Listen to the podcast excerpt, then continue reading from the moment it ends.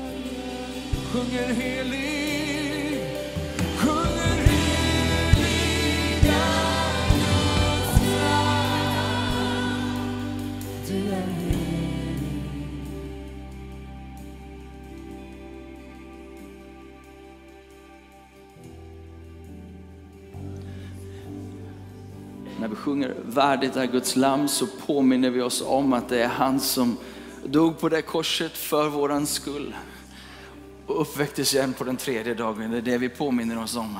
Därför är han värdig, han är värdig. Vi sjunger heligt är hans namn och värdig är han som är helig. Vem är det? Jo, det är vår Gud. Det är honom vi sjunger till. Och Psaltaren 24 så står det så här, ett av, en av texterna för den här söndagen. Här är det släkte som sökt sig till Herren, som träder fram inför ditt ansikte, du Jakobs Gud. Portar, öppna er vida, höj er uråldriga dörrar. Låt ärans konung draga in. Vem är då ärans konung? Jo, det är Herren, den väldiga hjälten. Herren, väldig i strid. Portar, öppna er vida. Höj er uråldriga dörrar. Låt ärans konung draga in. Vem är han, ärans konung? Det är Herren Sebot. Han är ärans konung och han är värd vår tillbedjan den här dagen. Och från allt Guds folk den här dagen så vill vi höja våra portar och vi vill välkomna honom till våra städer och våra länder, våra familjer och våra arbetsplatser. Låt oss tillbe honom.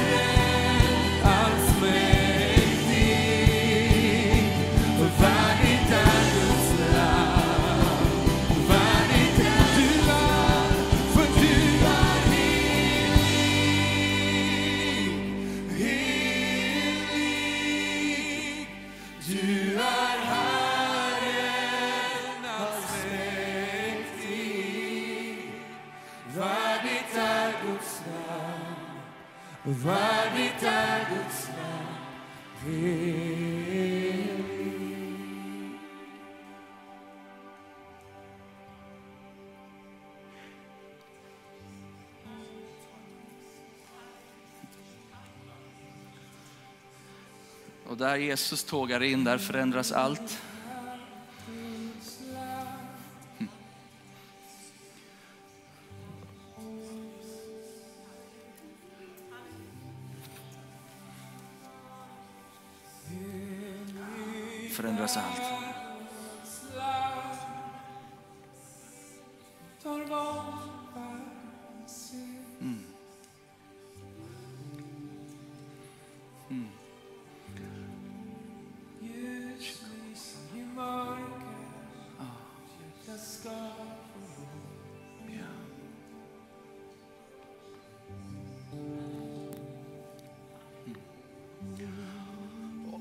Befinner dig i mörker just nu, så låt oss bara få be för dig, stå med dig. Vet att Jesus han vill dra sig nära. Han drar sig inte undan mörker, han drar sig inte undan kaos, utan han är Gud som går rakt in där. Så just nu, Jesus kom.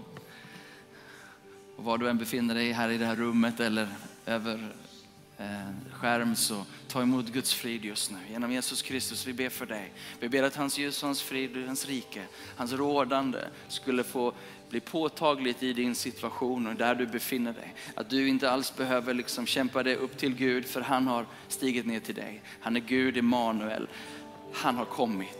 Han har kommit. Vi ber för dig just nu. Vi bara ber att, att i ditt mörker var det ljus. I ditt kaos var det frid. Ärans konung får komma.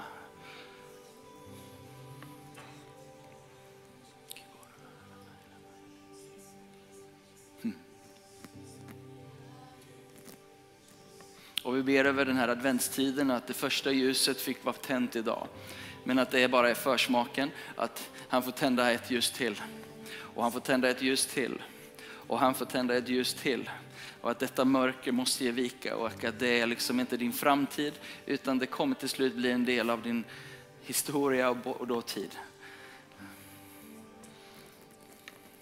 Och jag ber för dig som upplever att du går i cirklar och går runt och runt och du kommer liksom till samma punkt igen. Att det kan vara så att det känns så, men jag tror inte att det alls är Herrens perspektiv utan Gud faktiskt har tagit dig på en resa. Att Gud tar dig vid hand och Gud stiger in i din berättelse och han börjar röra vid delar av din berättelse och du kommer också få se hur, hur det ena har gett till det andra. Och att det visst finns hopp i din situation för att han kommer och bryter in med hopp och ljus i din situation just nu. Så låt honom ta över rodret, låt honom ta över. Välkomna honom. Bjud in honom. Öppna dörren för Jesus. Mm.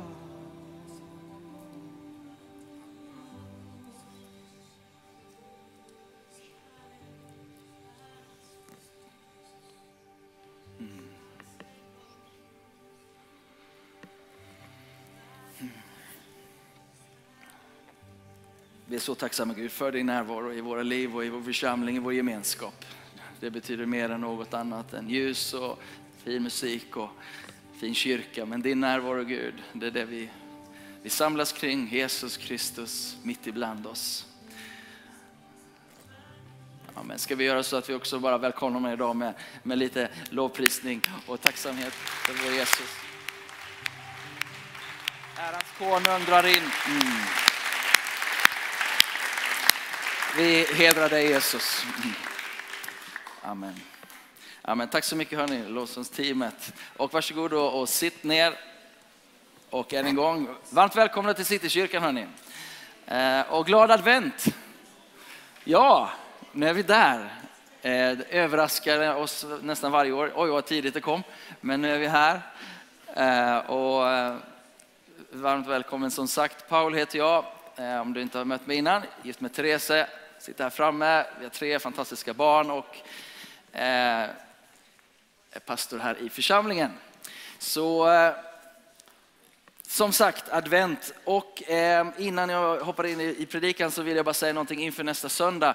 Eh, där våra myndigheter och gör ju allt vad de kan för att ta oss igenom den här smittan och allt det där. Men eh, vi har haft samtal inom pingst, det som vi tillhör, och även Sveriges kristna råd. Och rekommendationen är att vi kyrkor ska ha öppet utan covidpass, men följa då en meters regel och övriga liksom bara sunda förhållanden gentemot varandra när det kommer till smitta. Vi kommer inte hit om vi har symptom och allt det där. Så vi tar hand om varandra genom det här, men vi samlas i det här gudstjänstrummet så får vi plats med mer än 300 med en meters mellanrum mellan sällskapen. Ehm, så just nu så behöver vi liksom inte begränsa eh, vår gudstjänst.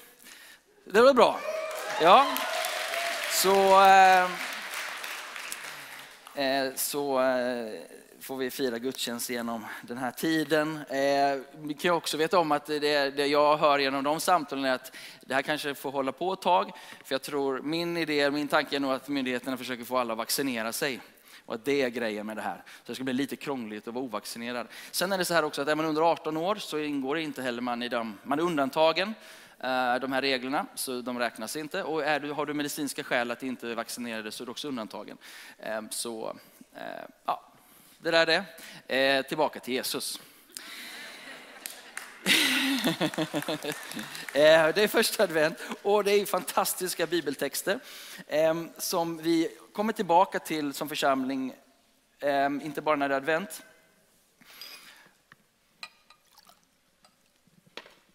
Och Eh, jag ska läsa, utgå ifrån Markus evangelium kapitel 11. Så om du har du med dig, telefon med dig, så får du gärna slå upp.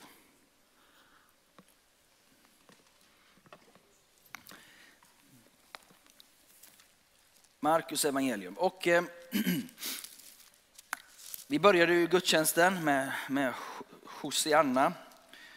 Eh, Davids son. Och det är, där, det är från de här texterna som det är hämtat och det är från början gammaltestamentliga eh, profetior om den Jesus och Messias, den utvalde som skulle komma. Eh, och nu i Markus 11, då är Jesus på väg in i Jerusalem. Han är faktiskt på väg in i påsken. Eh, och det här får man liksom bara ha lite ordning i huvudet, att vi är på väg in i julen men Jesus är på väg in i påsken. Eh, det är jättetydligt. Ehm, men, eh, men det är ändå så. Eh, och eh, det, det finns orsak till det. Ehm, men om vi går till kapitel 11 som sagt och från vers 7 och så läser vi till vers 25. De ledde fölet till Jesus och la sina mantlar på det och han satt upp. Många bredde ut sina mantlar på vägen och andra strödde kvistar som de skar ut ute på fälten. Och de som gick före och de som följde efter ropade, vadå? Hosianna! Nej, jag hörde inte. Hosianna!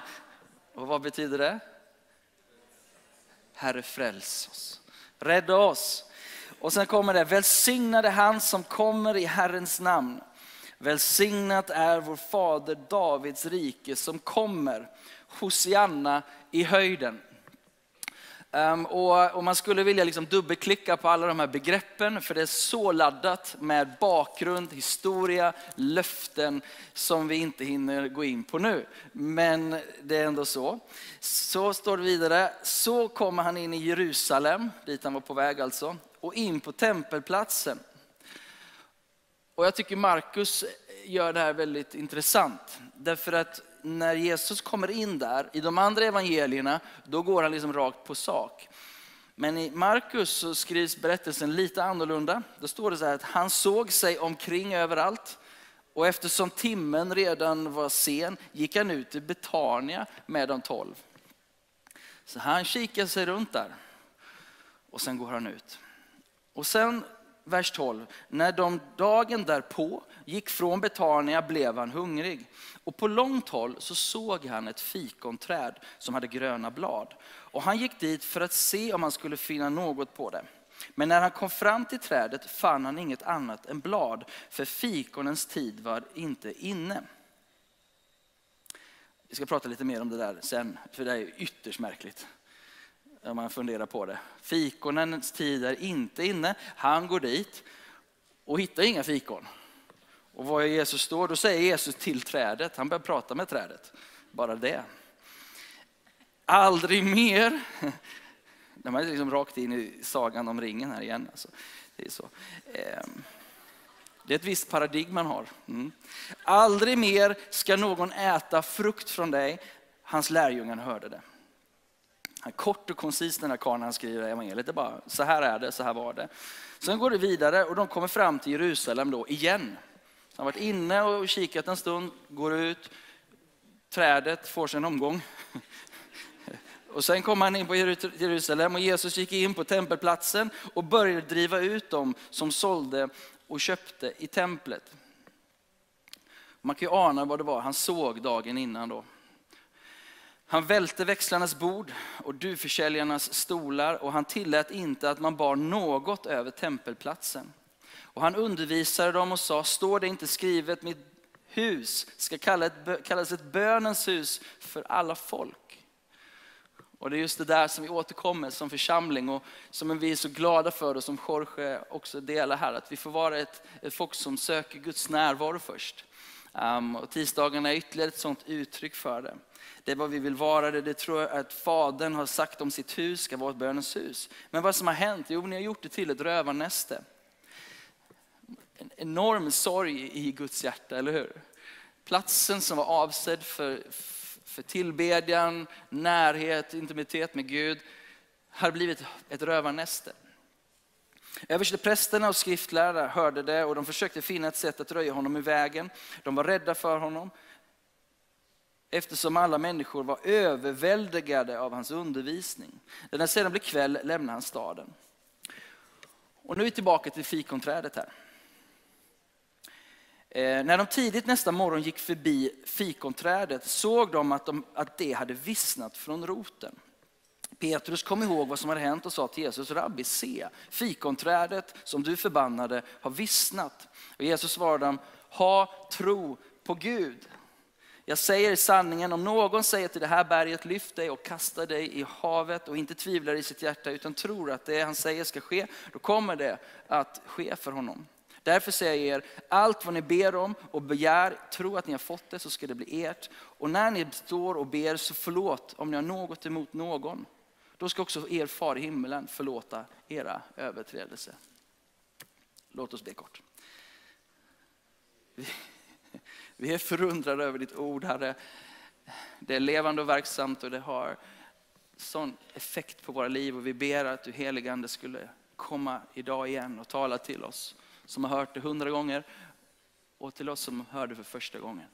Kommer liv genom ditt ord, vi ber i Jesu namn. Amen. Amen. Ehm, det som är intressant med det här avsnittet, det är den här varvningen mellan Jerusalem, fikonträd, Jerusalem, fikonträd. Och, och, det är som om att den är, det, det ena tolkar det andra och tillbaka. Det är någonting som, som Markus uppenbarligen vill att vi ska få tag på här, som har med något centralt som Jesus gör.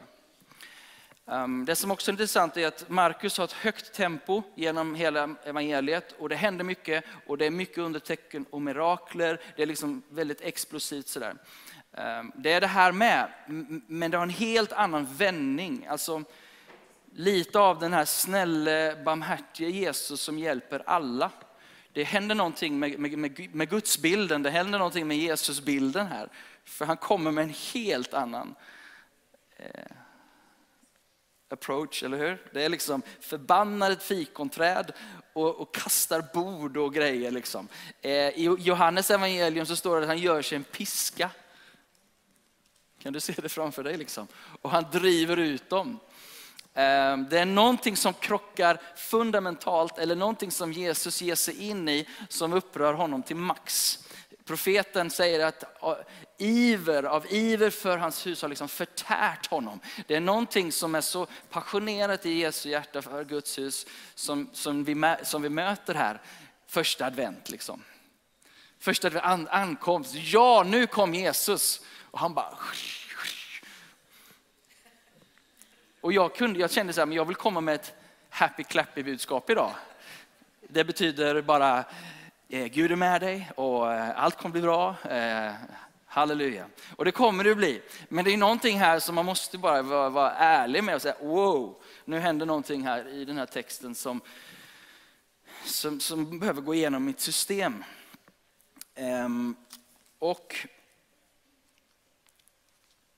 det finns som sagt hur mycket som helst att plocka det här. Men jag, jag, jag tycker det är, jag plockar fram det som, som jag hör och som kanske Gud också talar till oss om. Um, för sammanhanget är fortfarande Hosianna och, och, och, folket tar emot Jesus. Eh, de har ju lärt känna honom under ett par, tre år och sett vad han kan göra. Och nu är det någonting som händer i luften för att det skiftar där med. Plötsligt så, så, så kommer folkskarorna och bara, nu kommer han. Hosianna i höjden. Gud har sänt en smorde, Messias. Nu kommer Davids rike. Och, och om vi bara stannar upp inför det, vad är förväntan? Jo, förväntan är ju ganska högt, i hög grad politisk. Politisk i den bemärkelsen att romarna som var, hade ockuperat marken, eh, ockuperat landet, hade satt hela Israel i, Israel i, i ett förtryck kan man ju säga. De ålagda skatter och, och, och regler och annat som tillhörde ett annat rike. Och det här påverkade deras vardag, det påverkade hela deras liv. Och nu äntligen så verkar det som att tiden har kommit när vi ska få se hans rike komma igen. Davids rike. Davids rike var ett rike av fullkomlig liksom, ett överflöd och, och det blev ju fred till slut. Och liksom allt det där, de bilderna hade folket i sig. De tänkte nu äntligen är det slut med förtrycket. Nu äntligen ska vi bli fria. Och Jesus, han går, tänker jag, till kärnan, roten av problemet. Han svarar ju inte på deras förväntan direkt. Det är inte som att han går in och krigar loss liksom romarna, eller hur? Han har ett annat svar. Och jag tänker liksom att det blir en del av vår orientering. Vad är svaret? Jo, han tar sig direkt till tempelplatsen. Och han tar sig direkt till platsen av tillbedjan. Han tar sig till, direkt till platsen av gudstjänst. Och indirekt blir det för mig när jag lägger ihop ett och ett att tillståndet i landet är kopplat till tillståndet i templet. Att tillståndet och ockupationsmakten, eh, kaoskrafterna som verkar i den tiden är kopplat till pudens kärna. Det är ett jättekonstigt uttryck. Men det är ett uttryck som betyder hjärtat av problemet, eller hjärtat av det man försöker säga. Det är alltså, där finns nyckeln och lösningen för de stora kosmiska problemen. Men det går ner till templets innehåll och tillbedjan. Och där är Jesus supertydlig, eller hur?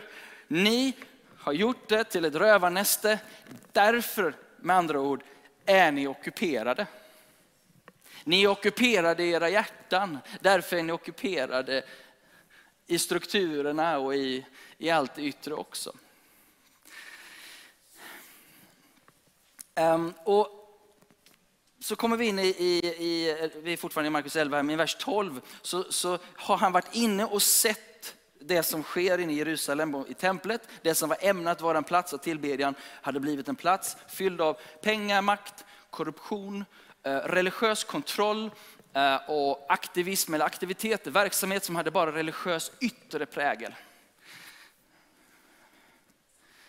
Um, och egentligen, jag kan säga det innan vi, vi läser vers 12, men, men för mig så speglar, speglar Paulus ord någonting för oss.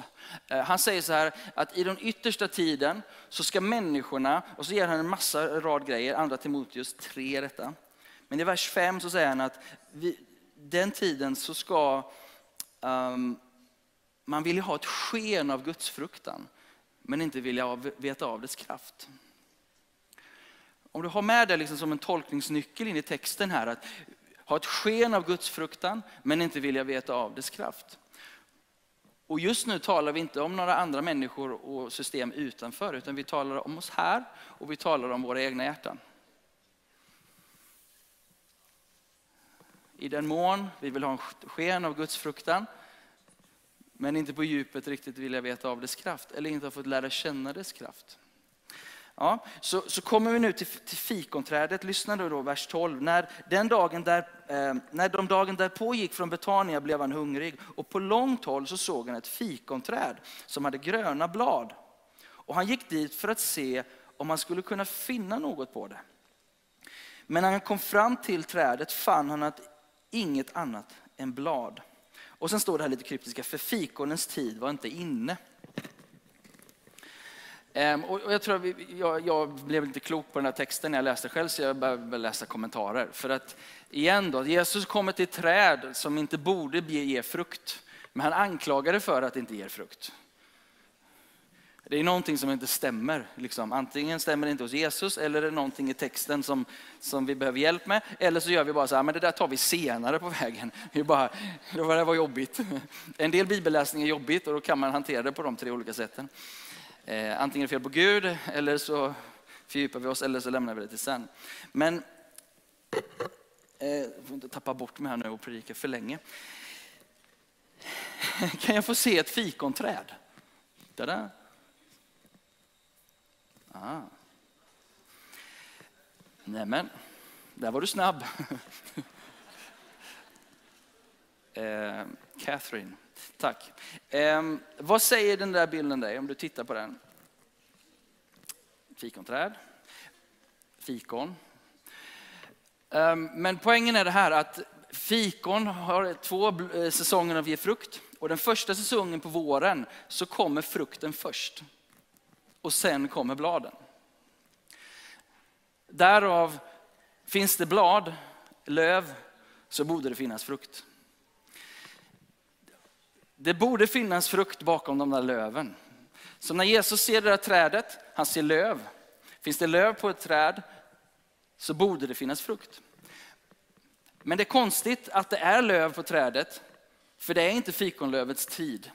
Så det är tid, den är out of season, alltså fel tid för fikonträd. Likväl finns det blad. Är ni med? Det, här, det kanske inte är så krångligt som jag gör det, men, men bladen borde finnas där, och då, borde, eller då finns frukten där, borde finnas där. Ehm, men ni gör inte det. Och för mig blir det intressant hur, hur hela det här gestaltar då den tempelplatsen som blir en spegling av. Det finns en massa blad här. Det finns ett helt scenery, liksom. det finns en hel apparat här. Men vad är frukten? Vad är frukten? Det finns ingen frukt. Jag, jag, saknar frukten. Jag saknar kärnan av det som det är tänkt att vara. Och igen, heligande hjälp oss att inte tänka de andra och någon annan, utan i våra egna liv. De här bladen, allt det där som vi vill visa upp. Men Jesus han, han i sin godhet, han ser igenom det där. Och han, han vet hur vi har det. Och, och, han längtar efter att få se frukt i våra liv. Han längtar efter att få se frukt i sin församling. Och att tillståndet i landet har med tillståndet i församlingen att göra. Att tillståndet i landet, vi kan stå och säga usch och fy på myndigheter eller usch och fy på de här grejerna. Men tillståndet i landet är kopplat till tillståndet av tillbedjan i templet. Och templet är ytterst sett inte en kyrkbyggnad utan folket, hjärtats folk, eller folk, eh, hjärtat i folket. Och min slutsats blir det här då att eftersom vi har ett tillstånd i landet som glider sekulär riktning så är det inte problemet där ligger utan problemet ligger någon annanstans och det är hos dig och mig. Herre, gå, gå till rätta med mitt hjärta och bjud in Jesus i min berättelse. Ehm, och ett annan text ifrån kyrkoårets texter idag. Vi är väldigt så kyrkoårliga idag. Vi är det några gånger om året. Idag en sån dag. Så har inte för stora förhoppningar nu att vi har börjat en ny resa. Men, men fyra advents och eh, övriga högtider brukar vi komma tillbaka. Hur som helst.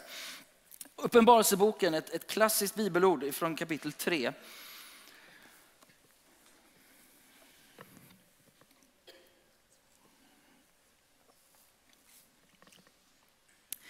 Jag sa ju att det skulle bli lite kärvt idag, men det, det blir bra också. Ehm, det står från vers 17 så här.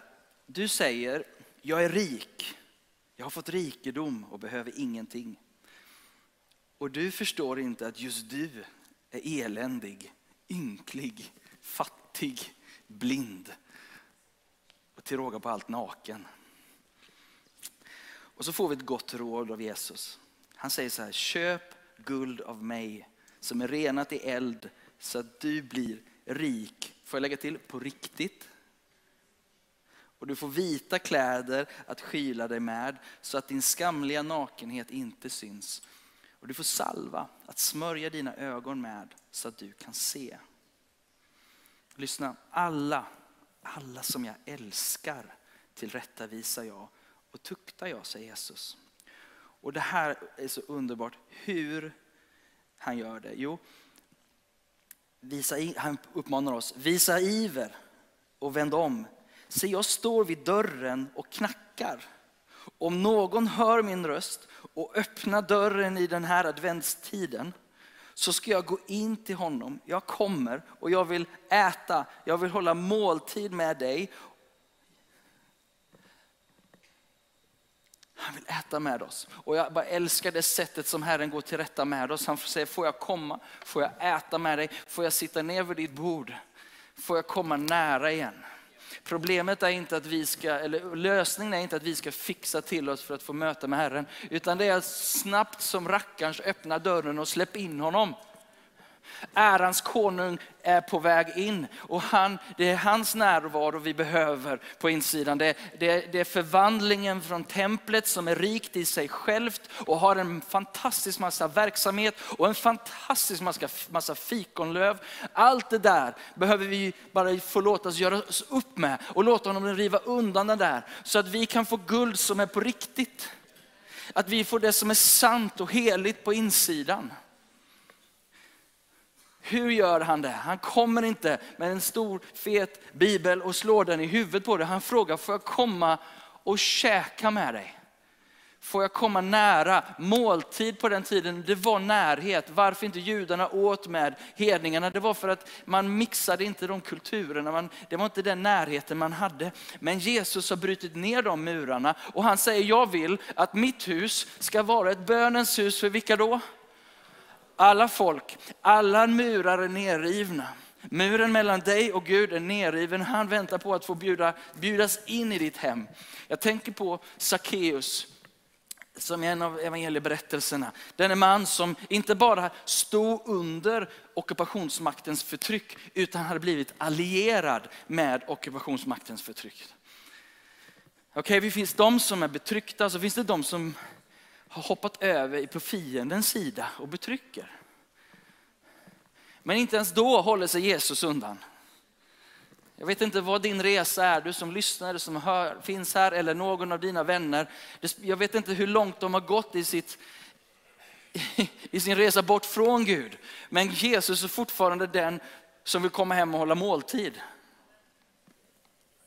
Jag tänker på Adam och Eva som ställer till det rejält, inte bara för sig själva men för hela mänskligheten. Men där är de. Och vad gör de för någonting när de har gjort det här? Jo, de gömmer sig bakom fikonlöv.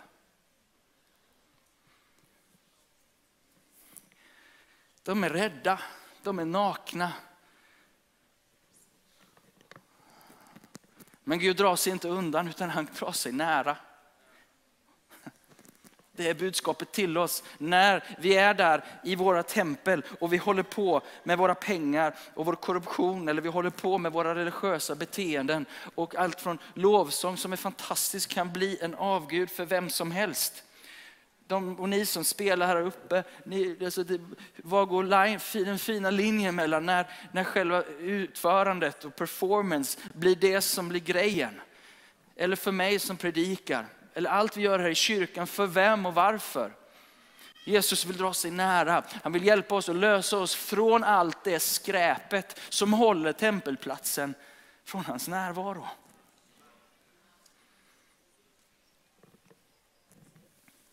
Och ingen nämnd och ingen glömd i det här rummet. För vi behöver hans nåd varje dag på det sättet. För allas tempelplats kan lätt bli och hamna i kraft i mak under makten och inflytandet av de här grejerna. Därför, advent är ju underbart att få säga, tåga in Jesus. Jag vill äta måltid, jag vill dricka glögg och äta pepparkaka med dig. Så att du får göra upp med mig.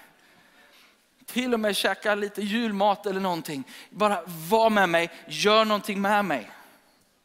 Så att mitt tempel inför det kommande året fick vara lite friare. Och jag älskar en annan sak med den här texten. Det finns så mycket som sagt, men i alla fall. Och det är att avslutningsvis när Jesus nu har varit först i templet, fikonträd och så, så tempel och så är vi tillbaka i fikonträdet. Och, och nu är vi i Markus evangelium igen. Ska jag också slå upp det.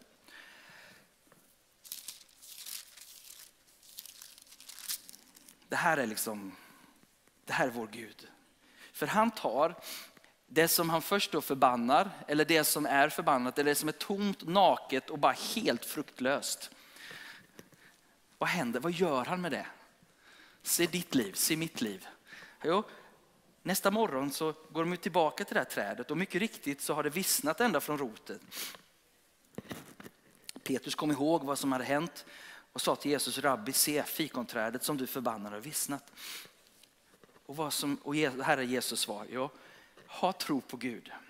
Nu vänd hela det här downfall och så bara säger han, ha tro på Gud. Jag säger i sanningen, om någon säger till det här berget, lyft dig och kasta dig i havet och inte tvivlar i sitt hjärta utan tror att det han säger ska ske, ja men då kommer det ju ske för honom. Fattar ni? Jag säger till er att allt vad ni ber om och begär, tro att ni har fått det, så ska det bli ert. Ty det rike som vi tillhör, den Jesus som vi tillhör, är inte kraftlös, maktlös. Men om vi fyller tempelplatsen med allt det andra bråtet av det vi själva kan förmå, då blockerar vi hans rike. Men när det får vändas med Jesus, ja då händer något annat. Då blir varje bön besvarad plötsligt. Det ska bli vårt. Och vad som händer mer är att be, när ni ber, förlåt om ni har något emot någon. Plötsligt så får vi ett överflöd att försonas med våra medmänniskor. Och vi får stå i en pågående förlåtelse för våra överträdelser. Alltså kontrasten mellan när, när, när fikonträdet försöker vara fikonträd och håller på med sina löv och grejer, ja, men då blir det helt fruktlöst. Men när Jesus får ta sig an det här fikonträdet, till och med det torra fikonträdet, det, dö, det döda fikonträdet, kan få gestalta Guds rike. Jag älskar hur Gud tar det som är helt förfärligt, fördärvat. Och så gör han det till en manifestation av sitt rike. Att det är den här kraften, det är den här makten, det är det här jag vill ge er. Om ni vill vara ett bönens hus för alla folk. Och när tillbedjan på tempelplatsen får bli tillbedjan, som jag sa innan, så påverkar det tillståndet i landet. Avslutningsvis från Lukas 4 och 18.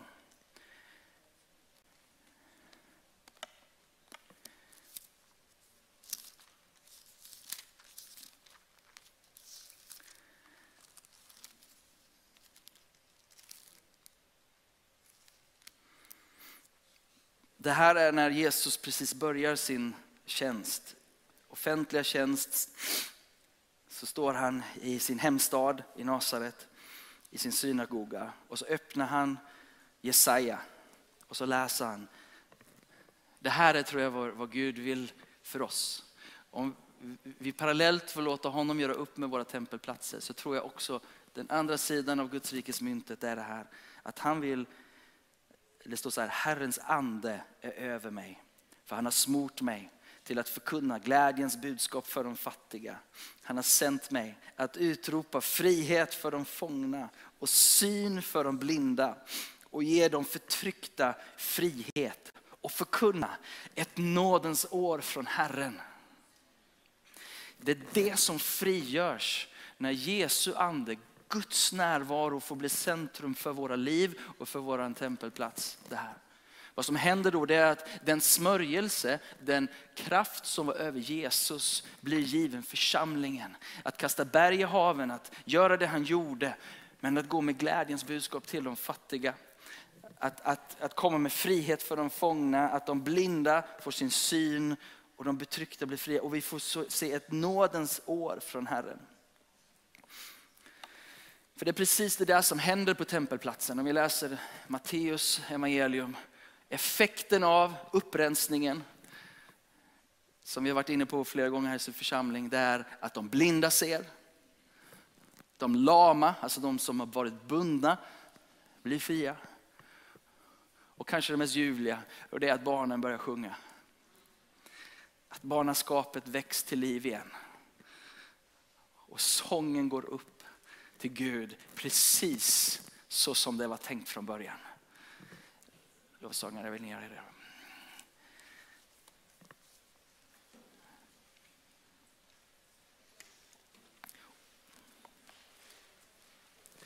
Vår stad och vårt land behöver ett, ett folk som har det rätt ställt på tempelplatsen. Så att vi kan fungera i just det där.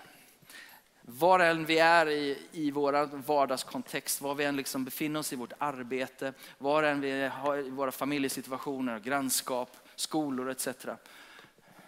Tänk att få vara ett folk som är uppfyllda av, av den helige Ande. På samma sätt som Jesus var fylld med den helige Ande.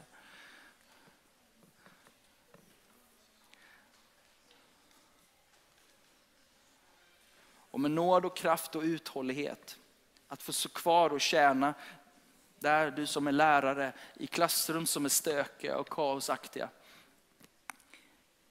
Men veta att tempelplatsen med Jesus um, gör att jag har access till en annan ande, ett annat rike.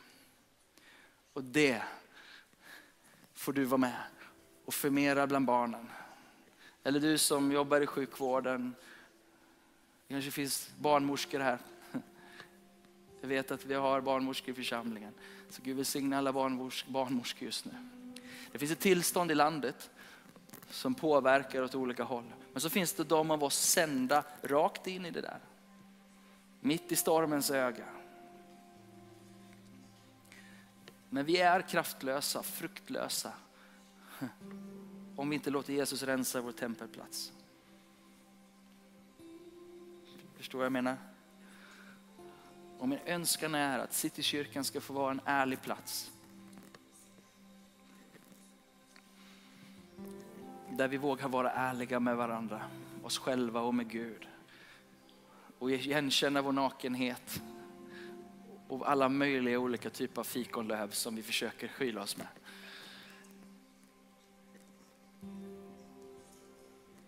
Och den Jesus som Bibeln målar för oss är inte en Jesus som kommer och som jag sa slår Bibeln i huvudet på oss. Utan han säger, får jag komma in och äta med dig? För den han älskar, den tillrättavisar han. Vill säga, amen, låt inte de där pengarna äta upp dig. Låt inte de där, den där prestigen få äga dig. Det är inte guld på riktigt. De där religiösa förtecknen, det är inte guld på riktigt. De här Jesus kan få vara lite krass med oss i sin kärlek. Så att det blir friskt här inne, så att det blir levande här inne. Så att den där smörjelsen från hans ande kan få smörja oss till att predika glädjens budskap för de fattiga. För att ge frihet för de fångna och att faktiskt blinda få sin syn tillbaka både andligt och kroppsligt och själsligt. Att Guds församling som fylld med den heliga Ande är inte kraftlös och fruktlös utan full av liv och hans närvaro. Det är vad han har för oss. Det är det vi kallar att vara i den här tiden. En Guds församling spridda ut över veckan för att göra gott, samlas för att påminna oss igen. Jesus, jag behöver dig mer än någonsin. Jag behöver dig och jag tillber dig och jag igenkänner vem du är och jag igenkänner vad du har gjort för mig och för oss. Vi kopplar in i den stora bilden och så sänds vi ut i veckan och så ger vi oss in i olika sfärer där Gud kallar dig att vara. Smord av den helige Ande för att predika glädjens budskap.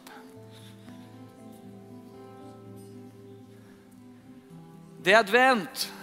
Ljuset bryter in i världen. Hur då? Genom sitt folk. Vi kallar och tänder de här ljusen överallt där vi går. Vara de ljusen.